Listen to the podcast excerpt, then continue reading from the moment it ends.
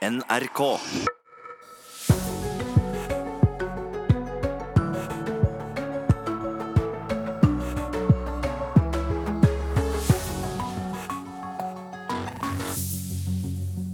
Det er nedopp av jenter, det er voldsbruk. Det er svært mange uheldige hendelser. Ja, politiet truer nå med å avskilte russebusser til ungdom som ikke kan oppføre seg i Syden. Vi skal straks ha med en som i flere somre har jobbet som natteravn på Mallorca. For én time siden trådte USAs nye sanksjoner mot Iran i kraft igjen. USA ønsker også å ramme tredjeparter, og hvem det gjelder får du høre her om litt. Jeg tror det kommer en del fisk, for å si det sånn, for det har skjedd, de har sett mye fisk ute i utløpet på Vardalselva i sommer. Så det, det vil nok komme en del. Ja, endelig kommer regnet til Trøndelag, og med det kommer også laksen tilbake i elvene. God morgen, dette er Nyhetsmorgen. I studio i dag, Ida Creed. Vi starter med at politiet altså truer med å avskilte russebusser til ungdom som er i konflikt med andre. De siste dagene har vi jo hørt at norske 17-18-åringer drar til Syden for å slåss mot jevnaldrende på andre russebusser. Johan Benitez ved Majorstua politistasjon ser alvorlig på det som har skjedd i sommer. Nå har vi sett noen av konsekvensene. Det er nedopp av jenter, det er voldsbruk. Det er svært mange uheldige hendelser. I verste fall eh, noe som kan ramme de her ungdommene for resten av livet. Og det er ikke verdt. Rivaliserende russebusser fra Østlandet braker sammen i voldelige oppgjør langt hjemmefra på greske ferieøyer. Fem nordmenn ble i helgen pågrepet, mistenkt for å ha brukket begge beina på og banket opp en 18-åring fra en annen russebuss. Johan Benitez ved Majorstuen politistasjon vil ha en slutt på disse turene hvor det kan virke som om folkeskikken legges igjen hjemme. Jeg syns det burde gå ei ordentlig varselbjelle opp når eh, det er en hel russebuss som reiser, og de vet at det er veldig mange andre russebusser. Så Da blir det et sånn voldsomt feste. Og det som, som ungdommen sjøl omtaler som er jo en plass der lover og regler og normer for å generell, normal atferd oppheves. Eh, jeg ble litt sjokkert over utviklingen fra i fjor, for i fjor så gikk det veldig pent for seg. Det sier Alfred Ryvarden, som er pressesjef i russens hovedstyre for 2018-russen. Eh, og jeg syns det er veldig rart at det har vært en, veldig, en, en såpass stor forskjell fra tidligere år, og kanskje russekullet i år kommer til å være litt mer voldsomme. Men øh, jeg håper de våkner litt opp etter denne episoden her og kanskje tar litt vett og ser at det, det er ikke så kult å slå andre. Han mener alkohol spiller en sentral rolle. Konflikter kan oppstå at det er noe som allerede ligger i grunne, eh, som da eskalerer når man begynner å drikke og kanskje er i samme nærmiljø. Da er det lettere å starte slåsskamper, da. Johan Benitez er klar på hva som skjer dersom politiet får vite om bråk mellom busser i løpet av russetiden i Norge. Oppstår det et problem mellom to busser, så skal vi være tidlig på. Vi skal hente ut problemene, vi skal forebygge. Og vi kommer også til å nærmest avskilte busser som eh, er i nær tilknytning til straffbare forhold. Der f.eks. russen blir kjørt et sted, og så skjer det noe. Da finnes det grunnlag for å gå eh, rettslig til verks sånn sett. Ryvarden i russens hovedstyre maner foreldre til å ta mer tak i problemet. Jeg håper at foreldre kan se dette, sette seg ned to og to og ta en alvorsprat. For det her er ikke noe politiet eller det offentlige kan fikse på egen hånd. Helt klart. Jeg, jeg syns det blir for dumt at russetiden generelt skal få et dårlig rykte og bli innskrenket pga. noen som ikke klarer å oppføre seg. Benitez i politiet håper vi har sett toppen av russebråk denne sommeren. Jeg har også hørt en del ungdom som har sagt at uh, de vil ikke tilbake til en sånn type fest tilstelning, og de sjøl mente at det var for voldsomt. Reporter Andreas Hagen Håkonsen. Ja, det har altså vært alvorlig slåssing og annen kriminalitet begått av norsk ungdom både på IOS og Koss. Og reporter Oda Ording, du er nå um, på Santorini. Hva forteller de ungdommene du har snakket med de siste dagene? Ja, nå har det vært 1000 eh, russ samlet på IOS de siste ukene. Og mange av de vi har snakket med, de sier at det har vært slåsskamper der norsk russ har vært involvert nesten hver dag. Men i tillegg til dette med slåssingen, så forteller de ganske mange rystende historier. Mange har fortalt oss at de har endt på sykehuset etter å ha fått en dop i drinken sin på utestedet. Og en lege som jobber ved en privat 24 eh, helseklinikk, han, han sier at det aldri har vært så mange nordmenn Eh, som har blitt dopet ned, som i sommer. En 18 år gammel jente som jeg snakket med i går, eh, hun sa at eh, hun ble dopet ned etter at hun fikk en øl av en mann på et utested. Eh, og så, da hun kom på sykehuset, så skal det ha skummet ut av munnen hennes. Så til tross for at russen har hatt det veldig mye gøy, eh, så er det også en del urovekkende ting som har skjedd der nede. Og mange av dem har jo gått ut nå og advart neste, års, neste års eh, russekull om å dra til IOS. Ja, det har altså vært slåssing. Hva vet du om hva det er som utløser disse slåsskampene? Ja, en av de viktigste årsakene til at disse slåsskampene oppstår, det er at de er så mange samlet på ett sted. Fordi at det er vanlig eh, for russebusser å ha sånn tradisjonelle konflikter eh, hjemme i Norge. Og når de først møtes da, eh, i en liten bargate på IOS, så er det veldig lett at det eskalerer eh, i voldelige konflikter. Eh, og i tillegg er det mange som har sagt til oss at de opplever det som litt mer lovløst. De føler ikke at ting får så mye like alvorlige konsekvenser som det gjør hjemme i Norge. Så hvordan reagerer de som bor eh, på disse stedene? De siste dagene har vi snakket med hotelleiere, restauranteiere, andre fastboende. Og de sier at eh, i år har det vært ekstremt. Det har aldri vært så mye norsk ungdom eh, involvert i bråk. Og det handler om at de kommer i så store grupper. Det er jo ganske vanlig å komme gjerne hele russebussen samlet. Og de organiserer store vorspiel med flere, flere titalls eh, folk på terrassen. De spiller høy musikk konsumerer store mengder alkohol. I går snakket jeg med en hotelleier som sa at hun hadde hatt 40 eh, norske russ på hotellet hennes som hadde rasert et hotellrom ved å kaste stein. Så de lokale er veldig, veldig fortvilet. Eh, og mange av dem har allerede sagt at neste år så tar de ikke imot reservasjoner fra store grupper med norsk ungdom. Oda, bare et kort eh, spørsmål til slutt. Eh, vet du noe om hvor i, i Norge denne russen er fra? Er det spesielle steder, eller er de fra overalt i Norge? Ja, dette er primært russ fra eh, Oslo og Akershus-området, der denne russebusskulturen er eh, kan man si, mest forankret. Eh, så det er rett og slett skoler i, eh, i Bærum, i Asker, Oppegård eh, og Oslo. En av flere frivillige natteravner fra Sjømannskirken som har vært i Magaluf på Mallorca i sommer, det er deg, Camilla Grimsby. Velkommen hit til Nyhetsmorgen. Du har jobbet eh, i Magaluf i to uker i året i fire år på rad nå. Hva er det som skjer når norsk ungdom drar på sydentur? Det er, som vi har hørt her, veldig mye alkohol involvert. Og eh, det er masse fest, og det er gøy. og det går i 190, eh, altså hele Enten det er en uke de gjelder, to uker. Du beskriver dette som et omvendt eventyrland. Hva legger ja. du i det? ja, det var et bilde som jeg så at egentlig så går du litt som å gå inn eh, Du vet Narnia-døra. sant? Man mm. går inn en dør, og så er man liksom i et helt annet uh, både Altså tilstand, på en måte. ikke sant? At der er reglene ikke de samme som hjemme. Der er der er grensene mye, mye videre enn man er vant til. Så hva gjør dere natteravner oppi dette?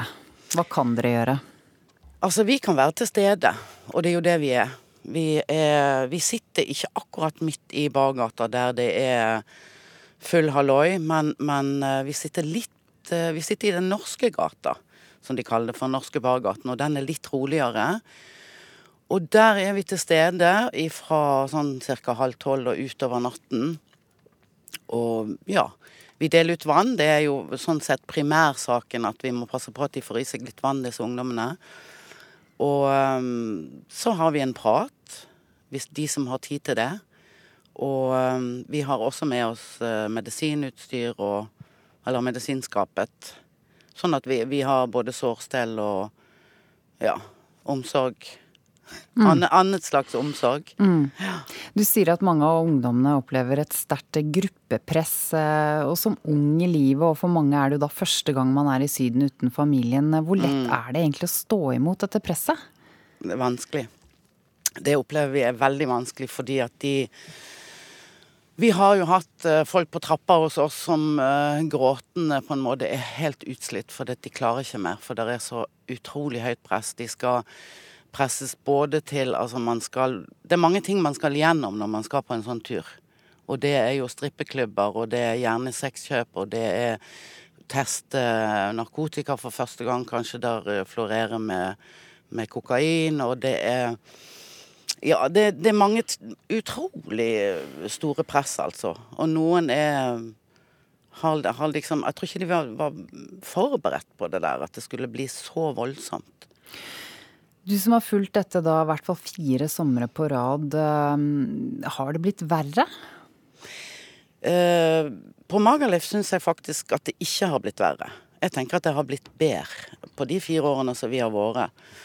Og det er nok Altså, det har blitt eh, litt restriksjoner også fra myndighetene der nede, fordi at de har eh, De begynner å bli ganske utkjørt. Kan tenke oss. ja. Og ja. Rett og slett så tror jeg de begynner å se for seg at de vil bli, bli et familiested. Det vet jeg ikke om de skal kunne klare. Men eh, ja, jeg syns roligere. Vi ser ikke så mye. Klart at vi også har, har opplevd disse her, at det blir knuffing og slåsskamper og, og det er intenst, ikke sant. Og hvis man har noe med seg fra før så blir det gjerne Eksploderer det der. Fordi at man, man, man går og går og går, ikke sant. Du fester dag etter dag etter dag og gjerne altså begynner ganske tidlig på, på dagen. Blir både trøtt, og, og, det er varmt, og det koker i, i, hodene. Og det er så mange ting som man skal oppleve. Det, liksom, det, det, det går som en eh, ja, hva heter det? Tørketrommel eller sentrifuge? Ja, jeg skjønner. Da er det bra at dere er der. Eh, takk til deg, Camilla Grimsby. Eh, som også har vært natteravn på Mallorca i flere år på rad.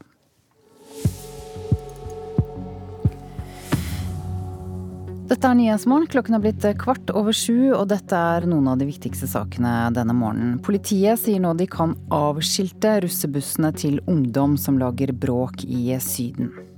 USAs nye straffetiltak mot Iran ble innført i natt. Og en hotellresepsjonist ble slått ned på et hotell i Lillehammer eh, i natt fordi eh, en ikke fikk bestilt rom. Politisk kvarter har våknet fra sommerdvalen. Eh, og hva skal du snakke om, eh, kvart på åtte, programleder eh, Bjørn Myklebust? En sak som er i ferd med å våkne fra sommerdvalen, og som kan bli en av høstens store i norsk politikk. Hvor går KrF? Og det første i en rekke vedtak ble tatt i helgen. Landsstyret i KrFs Ungdom sa nei til å gå inn i Erna Solbergs regjering. Jeg får besøk av to fra landsstyret som stemte forskjellig. Og så blir det debatt om KrF bruker den makten de har i dag som vippeparti på Stortinget, til det beste for klima og miljø. God sending, Bjørne Myklebust. Sendingen starter om akkurat en halvtime. Som toppleder er man aldri privatperson på reiser i Iran, sier Norges tidligere ambassadør til Iran, Aud Lise Norheim. Allerede i 2016 ga daværende ambassadør Norheim sikkerhetsråd til fiskeriminister Per Sandberg og hans delegasjon før de skulle til Iran. I dag er hun spesialrådgiver i rådgivningsselskapet KPMG, og gir de samme rådene til kunder. Vi gir de samme rådene som det PST gir som etterretningen gir til politisk ledelse og til embetsverket. Ikke bruke mobiltelefonen, tjenestetelefonen. Passe på at man ikke har med seg en PC som det er lett å, å hacke. Og for all del, ikke legge igjen elektronisk utstyr i hotellsafen. Det er det enkleste stedet å, å, finne det igjen i, så da er du sikker på at det blir tatt. Generelt bør man dessverre være skeptisk til folk man møter, sier hun. Jeg er helt enig med Per Sandberg i at Iran er et fantastisk land å reise i, og folk er veldig, veldig hyggelige. Men i den type land så må man dessverre også tenke at de kan ha en annen agenda også som gjør at de er veldig interessert i å komme i kontakt med deg. Og det er også råd som vi da gir, at man tenker gjennom alle disse tingene. I etterkant av sin ferietur til Iran har fiskeriminister Per Sandberg som kjent fått kraftig kritikk, blant annet fordi han tok med seg sin egen mobiltelefon. Han har også stått hardnakket på at han til tross for sin statsrådsposisjon reiste til Iran som privatperson. Sandberg fikk altså sikkerhetsråd av daværende ambassadør Norheim i 2016, de samme rådene hun i dag gir kunder. Iransk etterretning er veldig avansert, veldig sofistikert. Og man må regne med at de er opptatt av hva som tas med, hva slags informasjon de kan få. Og spesielt når det er høynivådelegasjoner. Alle toppledere, både politikere og næringslivsfolk, sitter med informasjon som er interessant for Iran, ifølge Norheim. Kanskje særlig nå når vi fikk atomavtalen, når USA nå går ut i den, og sanksjonene da blir innført eh, på nytt, så blir det interessant å få så mye informasjon som mulig fra andre, selvfølgelig. Alt dette gjør at det er så viktig å være årvåken når det gjelder sikkerhet, sier hun. Og det også å tenke på at som toppleder, uansett offentlig eller privat virksomhet, så er du aldri en privatperson. Det tror jeg er viktig for oss alle å, å tenke på. Det aller viktigste å ha med seg i bagasjen er sunn fornuft, mener Norheim. Både når man planlegger en reise, enten den er i forretningsøyemed, du skal ned og skrive noen kontrakter eller hva som helst, eller du har en, en feriereise, bruk sunn fornuft og tenk gjennom hva du skal, hva du har med deg og du, hvem du har kontakt med. Er med at fiskeriminister Per Sandberg skriver i en kommentar til NRK at det alltid er viktig å følge råd fra sikkerhetstjenestene og gjeldende rutiner. Jeg handlet ikke i tråd med disse da jeg tok med meg mobiltelefonen og ikke varslet om min reise til Iran, og dette har jeg tatt lærdom av og vil følge sikkerhetsråd og rutiner heretter, skriver Sandberg. Reportere var Katrin Hellesnes og Hedvig Bjørgum. For eh, halvannen time siden, klokken seks norsk tid i morges, trådte USAs nye sanksjoner mot Iran i kraft. USA ønsker også å ramme tredjeparter, altså internasjonale selskaper som fortsetter å handle med Iran. EUs svar er et nytt tiltak som skal beskytte europeiske firmaer mot USAs straff.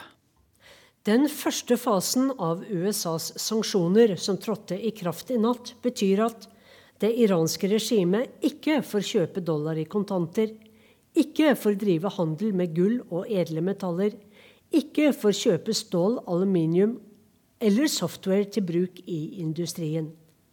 I tillegg skal Irans bilindustri og teppeproduksjon rammes. Men om tre måneder skrus stikken ytterligere til. For fra 5.11 vil USA blokkere Irans salg av olje. Det vil skape langt større skade og uro politisk og økonomisk, ikke minst fordi USA presser andre land til å slutte å kjøpe olje fra Iran. Men verken Kina, Tyrkia eller India lar seg presse. De vil fortsette å handle olje fra Iran, sier de. Mens Trump vil ødelegge atomavtalen, forsøker EU å beholde avtalen med iranerne. For så godt som alle, med unntak av USAs president og Israels statsminister, mener at avtalen har fungert bra.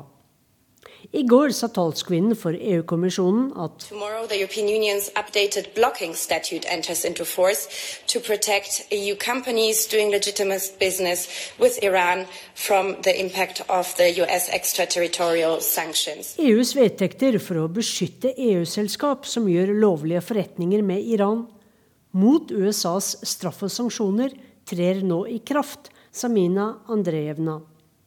Det hun sier, er at EUs nye vedtekter er et verktøy som skal hjelpe europeiske firmaer til å slippe unna amerikanske sanksjoner, selv om firmaene fortsetter sin handel med Iran. EUs utenrikssjef Federica Mogherini og utenriksministrene fra Frankrike, Tyskland og Storbritannia sa i går at de vil opprettholde Iran-avtalen og sørge for at iranerne får fortsette å eksportere sin gass og olje.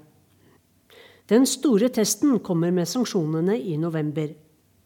President Hassan Rouhani har antydet at om Iran ikke får selge olje, kan landet komme til å stenge Hormuzstredet. Ifølge Bloomberg fraktes rundt 30% av verdens olje gjennom stredet mellom Iran og den arabiske halvøya, der Oman og Emiratene ligger. President Rouhani har sagt nei til å reforhandle atomavtalen med Donald Trump nå. Men ingen ser helt bort fra at det kan bli et møte om Iran tror det er noe å hente. Iranerne er kjent for å være svært dyktige forhandlere. Og Donald Trump på sin side sier at han er verdens beste forhandler. Vi får se hva som skjer, som president Trump pleier å si. Sissel Wold, Istanbul. Ja, President Rouhani i Iran sier nå at det ikke gir mening å forhandle med USA så lenge landet er rammet av disse sanksjonene.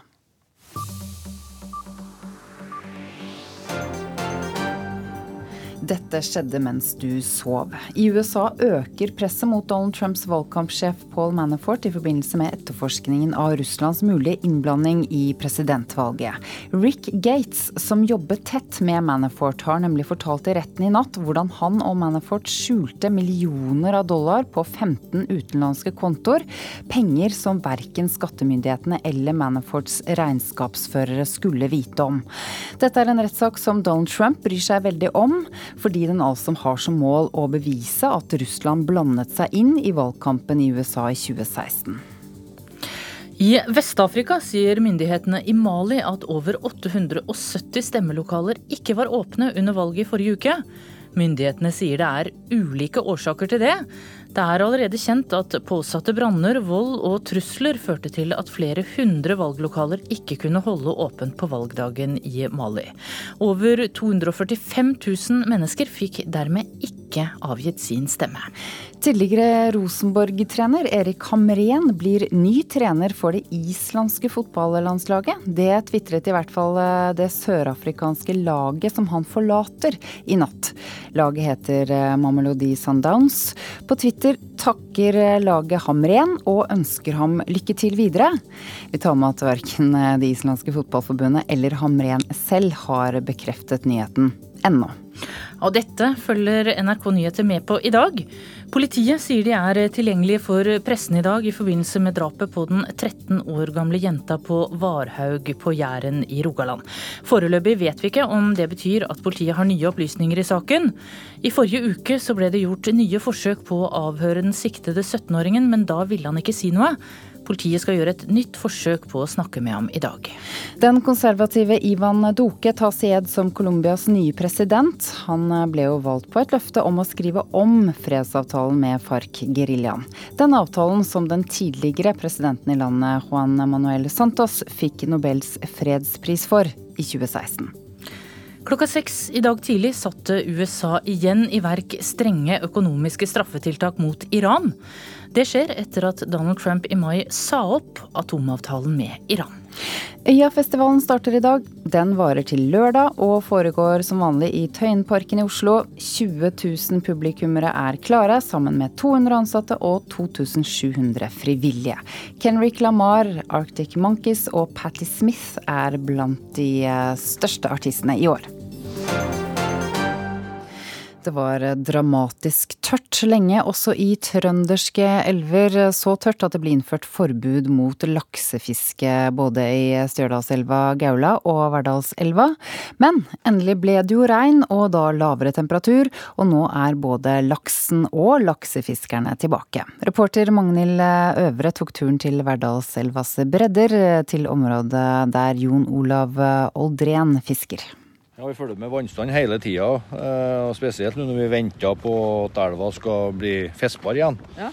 Og så Vi er jo på nettet og ser om det stiger eller om det, om det faller. Så elva stiger eh, mest sannsynlig litt til ennå. Kåre Arnfinn Fostad, dedikert laksefisker. Du er alene her i dag, da, men hvordan var det å komme i gang igjen? Ja, det var godt.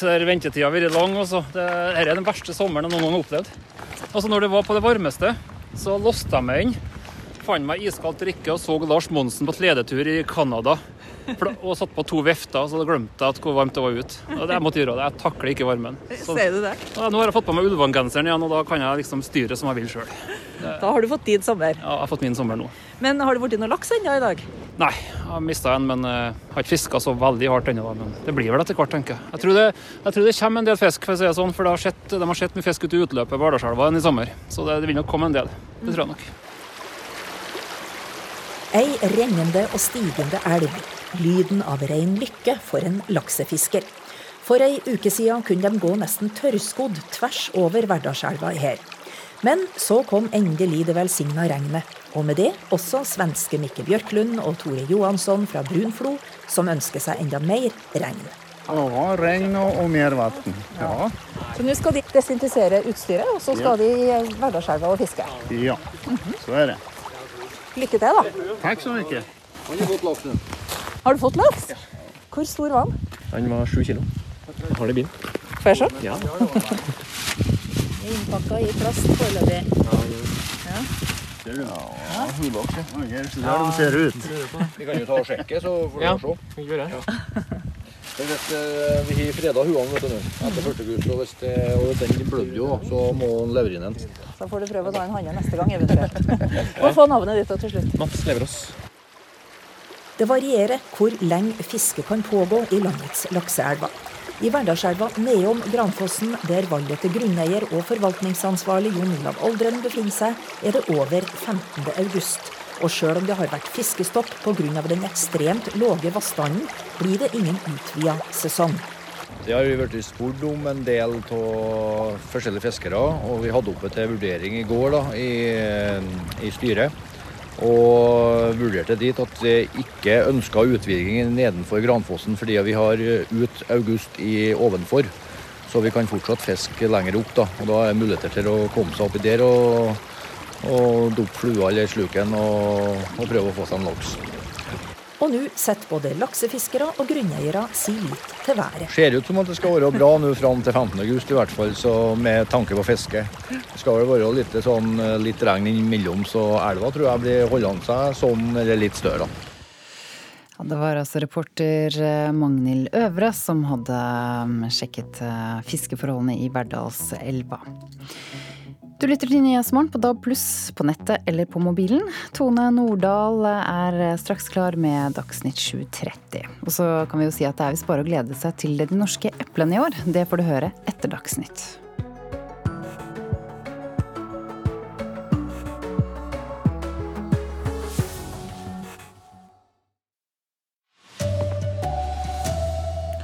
En statsråd kan aldri være bare privatperson på reise i Iran, mener tidligere ambassadør.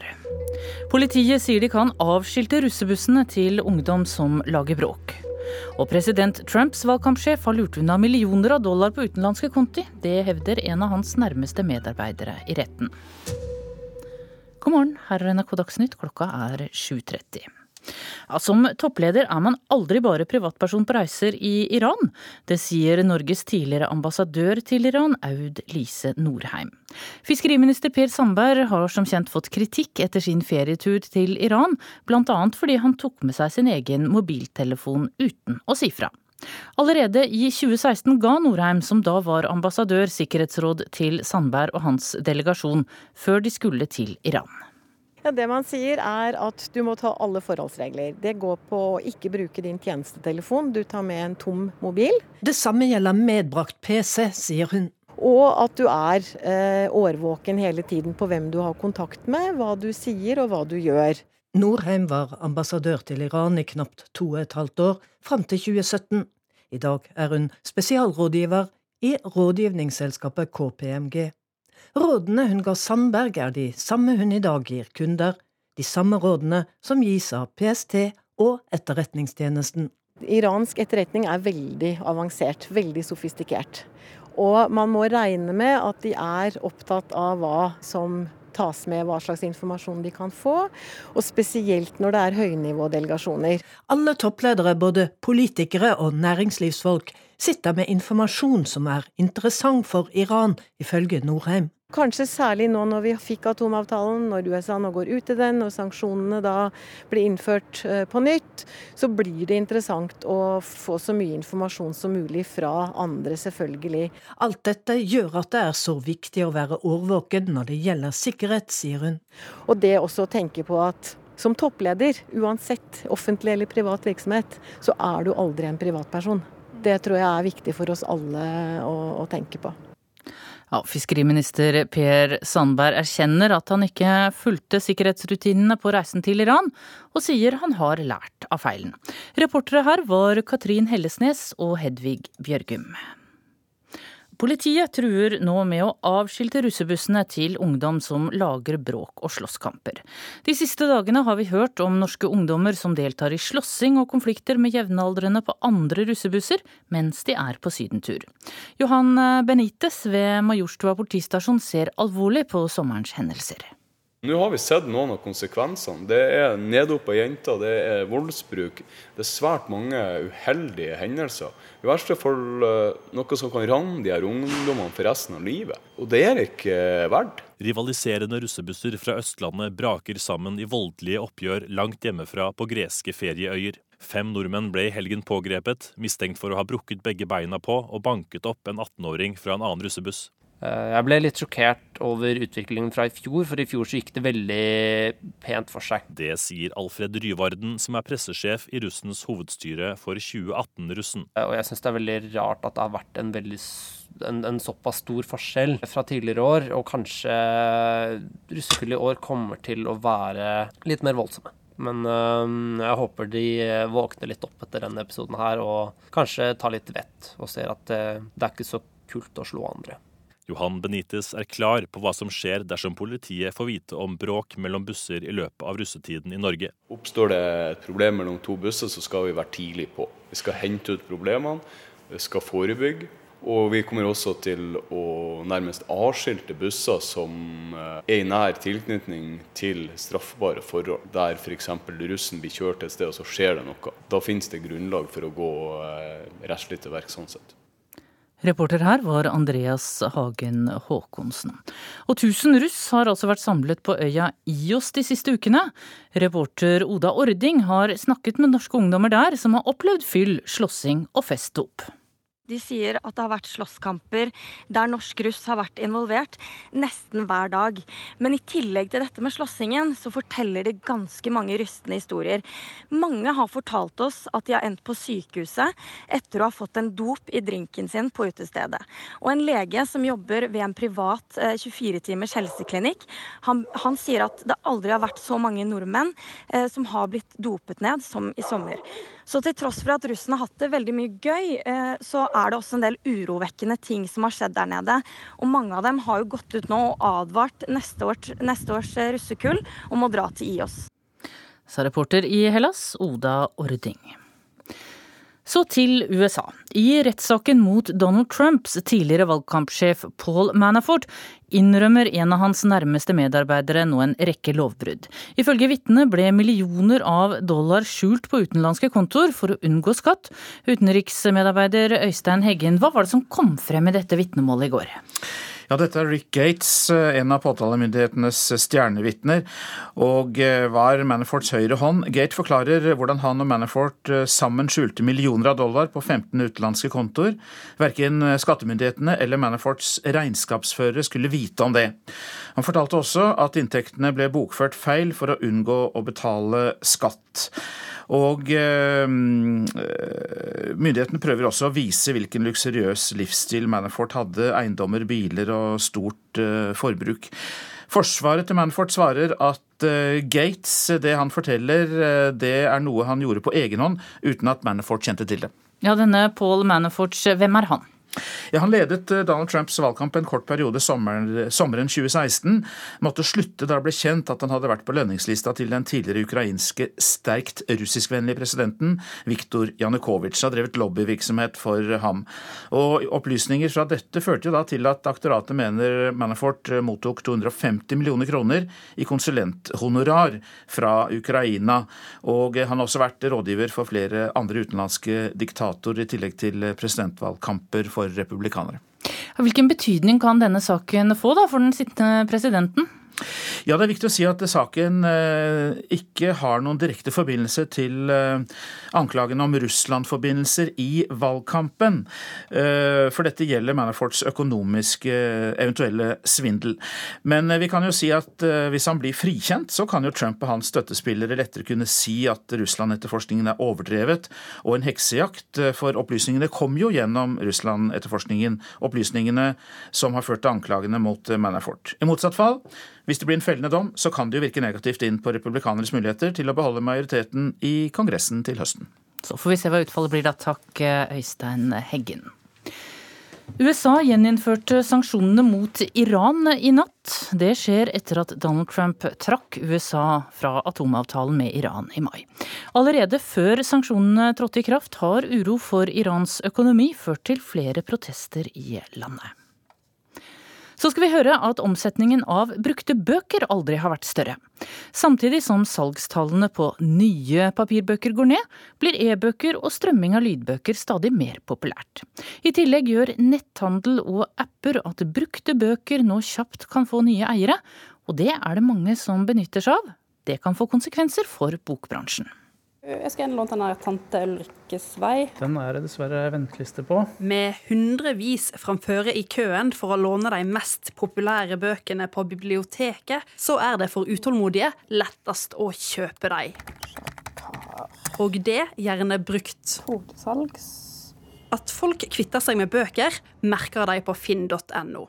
I 2014 ble det på Finn lagt ut over 160 000 annonser med blad og bøker, og i 2017 ble det lagt ut over 375 000 bokannonser. Bokkis ble lansert i desember i fjor, og der blir både nye og brukte bøker solgt. Lasse Brurok er en av gründerne. På nye bøker så er vi på ca. 30 bøker om dagen. Og på brukt så har vi passert 50 bøker om dagen nå. Trine Stensen er administrerende direktør i Bokhandlerforeningen. Og hun sier de har sett at bruktbokmarkedet har blitt profesjonalisert i det siste. Hvis det medfører at det blir en nedgang i eh, nyboksalget, så kan det jo få konsekvenser for hele verdikjeden. Altså, forfatterne er jo avhengig av å selge nye bøker. Forlagene er det, og bokhandelen selvfølgelig. Og med analyser i gang, så vil Bokhandlerforeningen gjøre sitt framover for å møte bruktbokkonkurransen. Ja, det er jo først og fremst bare å legge seg eh, kraftig i selene og møte den konkurransen, og det opplever jeg jo at våre er opptatt av. Reporter var Kari Nygaard Tvilde. Mens Lofoten har opplevd turistsvikt i sommer, har det vært en drømmesommer for reiselivsaktører på Vestlandet. Flere aktører forteller at fjorårets sommerrekorder er slått. Ansvarlig for Dagsnytt var Marianne Løkkevik, her i studio Tone Nordahl.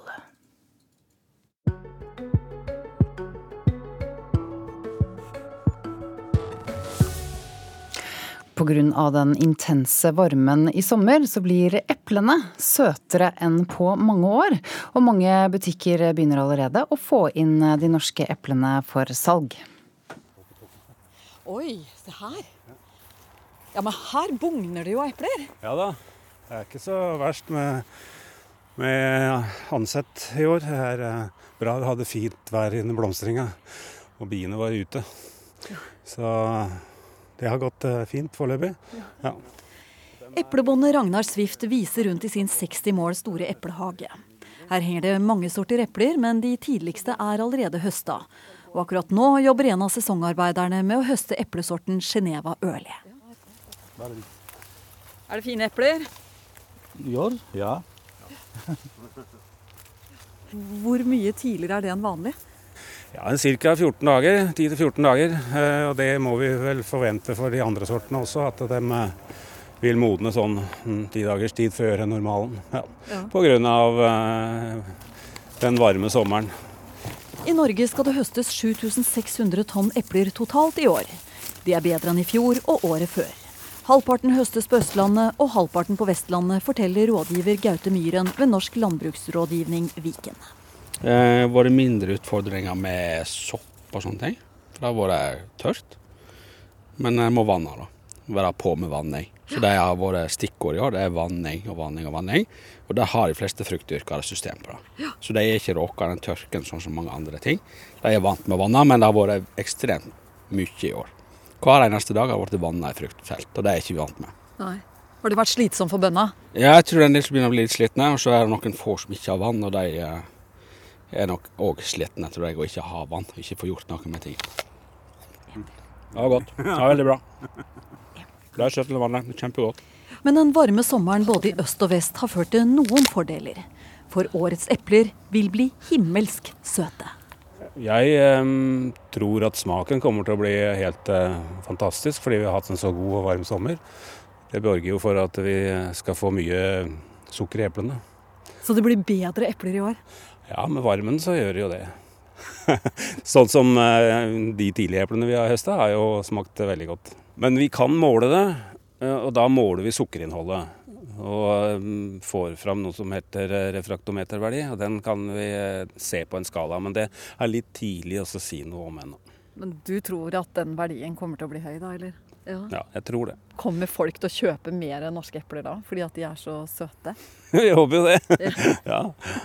Men det, det, vil jo tiden vise. Altså, I butikk så er det jo ikke Det står, det står epler på lappen, og så er det øye i, i, når du ser eplene som avgjør om du skal kjøpe eller ikke.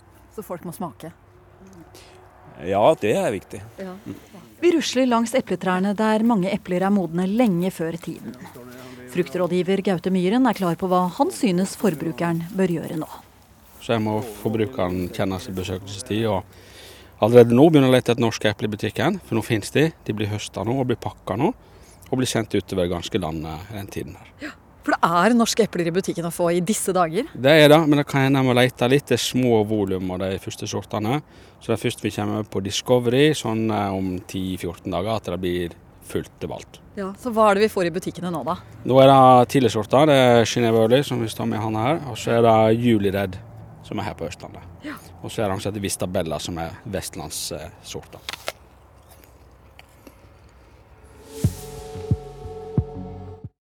Jeg skal bare si først, før dette underlaget, at reporter eh, var Karoline Bekkelund Hauge.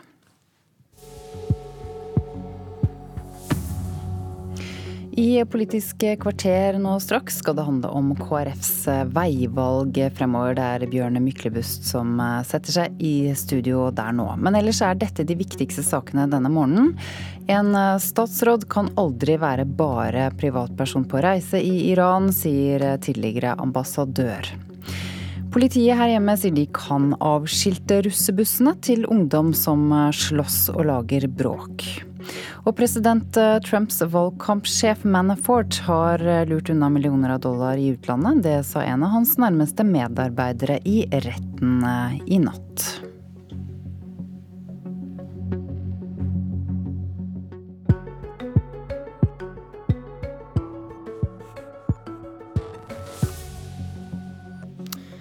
Ingen vet hva høstens farger blir for Kristelig Folkeparti, men det første vedtaket om samarbeidspartner ble ikke blått. Om bønn til KrF si ja til mer rød-grønn miljøpolitikk. Men ikke alle bønner blir hørt, skal SV få erfare i Politisk kvarter. Vi starter med saken som kan bli like stor som Sandbergs Iran-reise. Hvilke politiske løsninger du får, avgjøres av KrF, som sitter på vippen i Stortinget frem til neste valg. Og Derfor så blir det enorm oppmerksomhet når partiet i høst har lovet å bestemme seg for hvem de skal samarbeide med. Og I helgen kom det første vedtaket i KrFs ungdomsparti. Landsstyret sa med knapp margin nei til å gå inn i regjering med Frp, Høyre og Venstre. Og så skal landsmøtet i KrFU snart avgjøre om de er enige. Edel Marie Haukeland, nestleder i Nordland KrFU, velkommen. Tusen takk.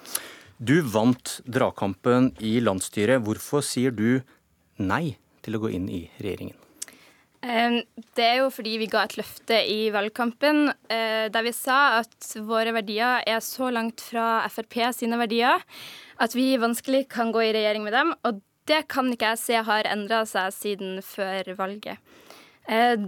Eh, vi får også en del gjennomslag som opposisjonsparti, står mye friere sånn. Så da tenker jeg at vi står der vi er i dag. Og så håper jeg at velgerne gir oss mer tillit etter neste valg. Jonas Andersen Sayed, leder i Rogaland KrFU.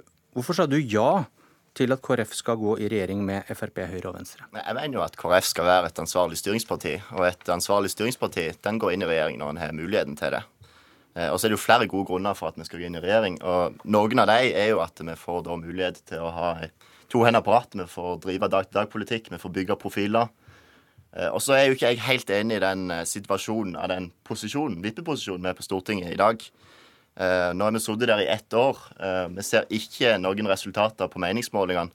Vi ligger ennå rundt sperregrensa.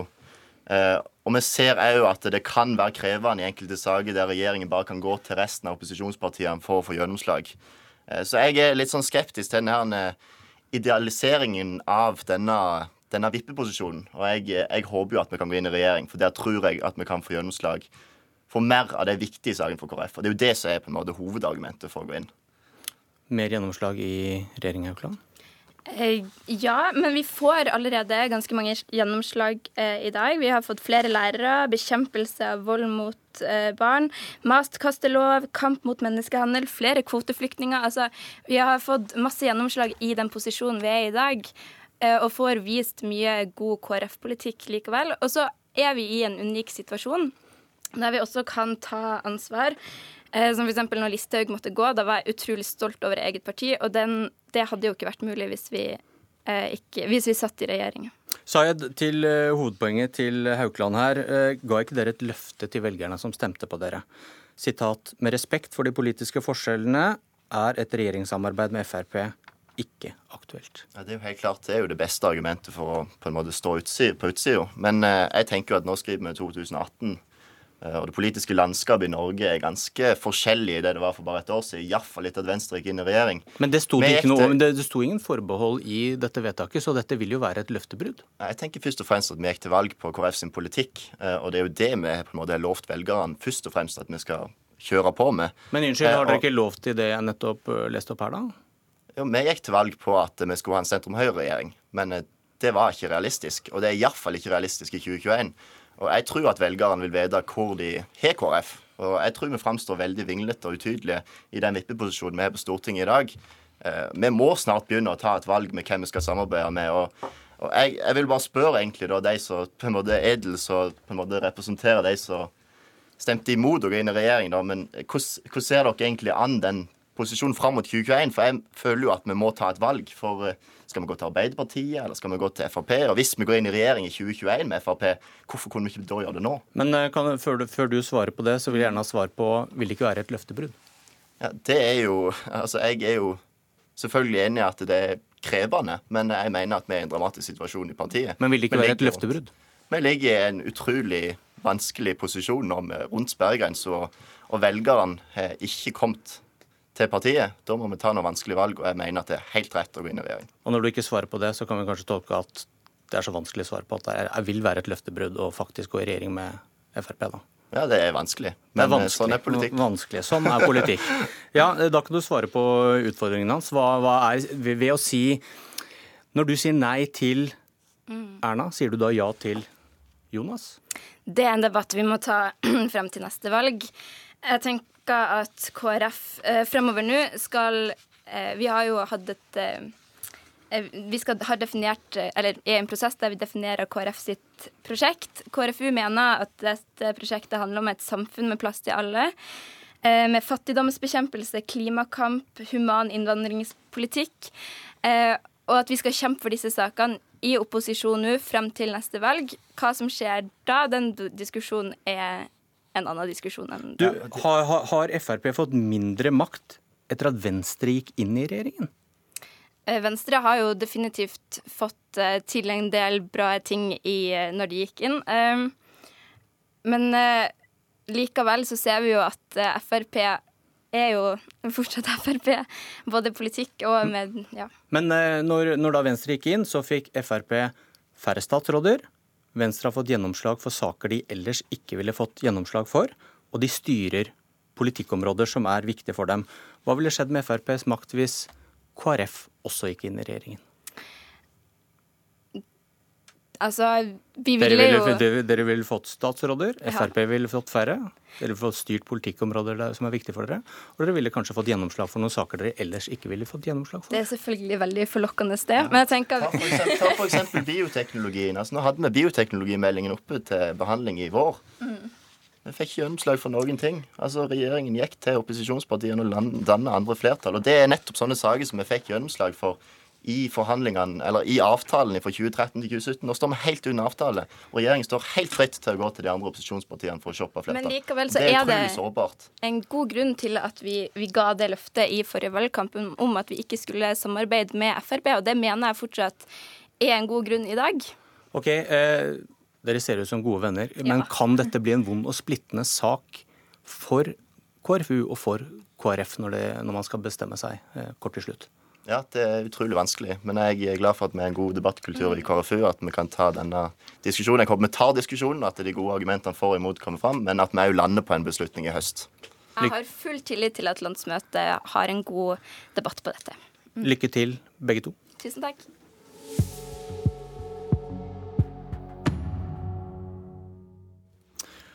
Og da jeg jobbet med KrFs veivalg i går, kom det en sak på Aftenposten med en påstand om at KrF ikke bruker den vippemakten de har, godt nok i miljøpolitikken. Den kom fra deg og SV, Lars Haltbrekken. Hva er det du mener? Hvis vi tenker tilbake, eh, 9.3.2000 så gikk eh, KrF eh, som det første partiet i norgeshistorien av på en miljøsak. De nekta å være med på å bygge sterkt eh, forurensende gasskraftverk, og skrev seg sånn inn i norsk miljøhistorie med gullskrift. De siste årene så har vi dessverre sett eh, et dalende miljøengasjement i KrF. Og det vi har gjort nå, er at vi har gått gjennom eh, lista over saker hvor KrF kunne ha danna miljøflertall sammen med SV, Arbeiderpartiet og Senterpartiet i Stortinget. Et miljøflertall som ville ha gitt viktige utslippskutt av eh, farlige klimagasser. Nevn de, nevn de aller viktigste. det har vært å få fasa ut eh, fossil fyringsolje i industrien. Det har vært å få kutta utslipp i veitrafikk og i eh, oljeindustrien. I tillegg til at det har vært å få forbudt eh, en god del unødvendig engangsplast innen 2022, som er det året som FN har satt som et mål for å få fasa ut dette. Du, Før vi slipper til eh, KrF her, er- det, er det SV eller Naturvernforbundet som står bak utspillet? Fordi de har en kronikk om akkurat det samme på trykk i Vårt Land i dag. Akkurat de samme poengene du drar i Aftenposten, men de nevner ikke at det er en SV-analyse som de er enig i. Eh, Det utspillet som var i Aftenposten i går, var fra meg som stortingsrepresentant for eh, SV. Jeg har ikke sett eh, dagens kronikk. Det er akkurat samme poengene. Dere har ikke okay. samarbeidet om dette i det Nei, hele tatt? Den lista vi har laga, var det vi som laga nå i sommer. Ikke noe kontakt med Naturvernforbundet om dette her? De har sett lista i ettertid, men det er vi som har laga den lista og er ansvarlig for den. For det hadde vært greit å opplyse om et samarbeid, gitt at det er dere som har mandatet fra velgerne? Det er vi som står bak det utspillet i Aftenposten. Eh, Tore Storhaug, miljøpolitisk talsmann i KrF. Hva syns du om lista over miljøsynder som eh, SV har laget? Jeg er litt imponert, For dette her bygger jo på en politisk analyse som er feil. Og det bygger på påstander som er direkte uriktige. For KrF vi bruker de stortingsplassene vi har til å sikre en grønnere og bedre politikk. Da har vi vist denne perioden her med matkastelova, vi har vist det med at vi får på plass en klimalov nå, og at vi har jobba for å få på plass et grønnere skattesystem der det koster å forurense, og ikke minst at det nå er med skikkelige løyvinger til de bedriftene og familiene som ønsker å vri sitt forbruk i en grønnere retning, f.eks. gjennom Enova. Og Det som jeg blir litt sånn frustrert på, da, er at her bruker Lars et ganske billig retorisk triks. Først så tar han det eldste trikset i boka, som er å si KrF og bøndene i samme setning. Og så tar han det neste, som er liksom å si at stemmer du mot oss, så er du mot god klimapolitikk. Men det er jo helt feil, fordi det er ikke sånn at SV sitter på klimafasiten. Halvparten av de forslagene som han kommer med nå, det handler om SV sin motstand mot nordisk samarbeid og mot EØS-avtalen. Og den andre halvparten, det er stortingsregjereri. Der Stortinget legger seg opp i eh, prosesser som er pågående, og egentlig jobber imot de ambisjonene som vi i lag burde ha. Men Storhaug, du, du snakker som om det er KrFs primærpolitikk på klima- og miljøfeltet som føres på Stortinget, og man kan kanskje være ærlig på at dere også svelger noen miljøkameler og kan faktisk stå for det? Det som er i denne stortingsperioden som vi er i nå, er at det er ikke ett vippeparti på Stortinget i den politiske sitsen vi har nå. Nå er det en mindretallsregjering som kan ha hva som helst av, de, av partiene på Stortinget, unntatt MDG og Rødt. Men Kan du innrømme at dere ryker på noen miljønederlag, og at uh, Haltbrekken kan ha noen eh, poeng? At dere må velge bort miljøseire for å få til noe på bistand, f.eks.? Jeg har gått på sure miljønederlag på Stortinget denne nevn perioden. her. Jeg, eh, og det, det, som er interessant med det Nevn, nevn det største. Førdefjorden, eh, kampen om den, som jeg og Lars sto i lag om. En annen var kampen om en supplerende nasjonalplan. Eh, nasjonalparksplan. Og, det, og, Poenget her er at her har de små grønne stått i lag imot de store grå. Lars sitt utspill er med på å forvirre det bildet, og han påfører oss alle en slags kollektiv demens, der vi glemmer at SV satt i regjering og lot Statoil investere flerfoldige milliarder i miljøverstigen oljesand, åpna opp nye oljefelt ut forbi eh, Jan Mayen, og ikke minst ga løyvinger til å bygge Goliat til motstand for KrF, miljørørsla og Lars Haltbrekken sjøl. Eh, Haltbrekken, det, det, poenget med at dere bruker da den spalteplassen dere får her og i, i Aftenposten til å angripe et parti som er ganske enig med dere i klima- og miljøkampen, og ikke de store partiene hvor dere har store enheter. Forklar det. Det bruker vi også masse tid på. Eh, men det som er saken her, er at KrF kunne ha vært med og danna flertall for svært viktige utslippskutt og for en intensiv kamp mot den alvorlige uh, plastforurensninga. Denne sommeren har kanskje vist oss til fulle hvilke utfordringer vi faktisk står overfor når det gjelder klimatrusselen. Det haster med å få på plass uh, klimatiltak. Siden 1990 så er det i Norge utreda tiltak for utslippskutt uh, som tilsvarer offentlige rapporter som veier 7-8 kilo. Vi har plukka fra disse rapportene. Vi har lagt fram forslag i Stortinget om forpliktende utslippskutt i Norge. Det kunne vi ha fått flertall med, for sammen med uh, eh, KrF. Og vi mener at det er viktig å få gjennomført disse kuttene. Derfor denne bønnen til uh, KrF, som i hvert fall 9.3.2000 var et betydelig miljøparti i Norge. Storhaug, hvis vi skal prøve å, å slutte der vi starta, hvor hører KrF hjemme? På venstresiden eller høyresiden i klima- og miljøpolitikken? KrF er et kristendemokratisk sentrumsparti som står planta i sentrum av norsk politikk. Og når sentrum av norsk politikk får ei hand på klimarattet, da går tallet nullutslippsløsninger ned, og vi får på plass bedre løsninger. Men det er en forskjell på det okay. og sosialisme, som tror vi kan stenge grensene og så regulere oss til himmelen. Og så kan jeg ikke dy meg, Storehaug.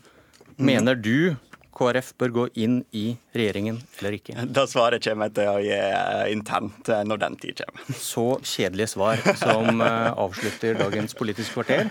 Vi får se hva vi får til i morgen kvart på åtte. Dette var dagens Dont. Jeg heter Bjørn Myklebust.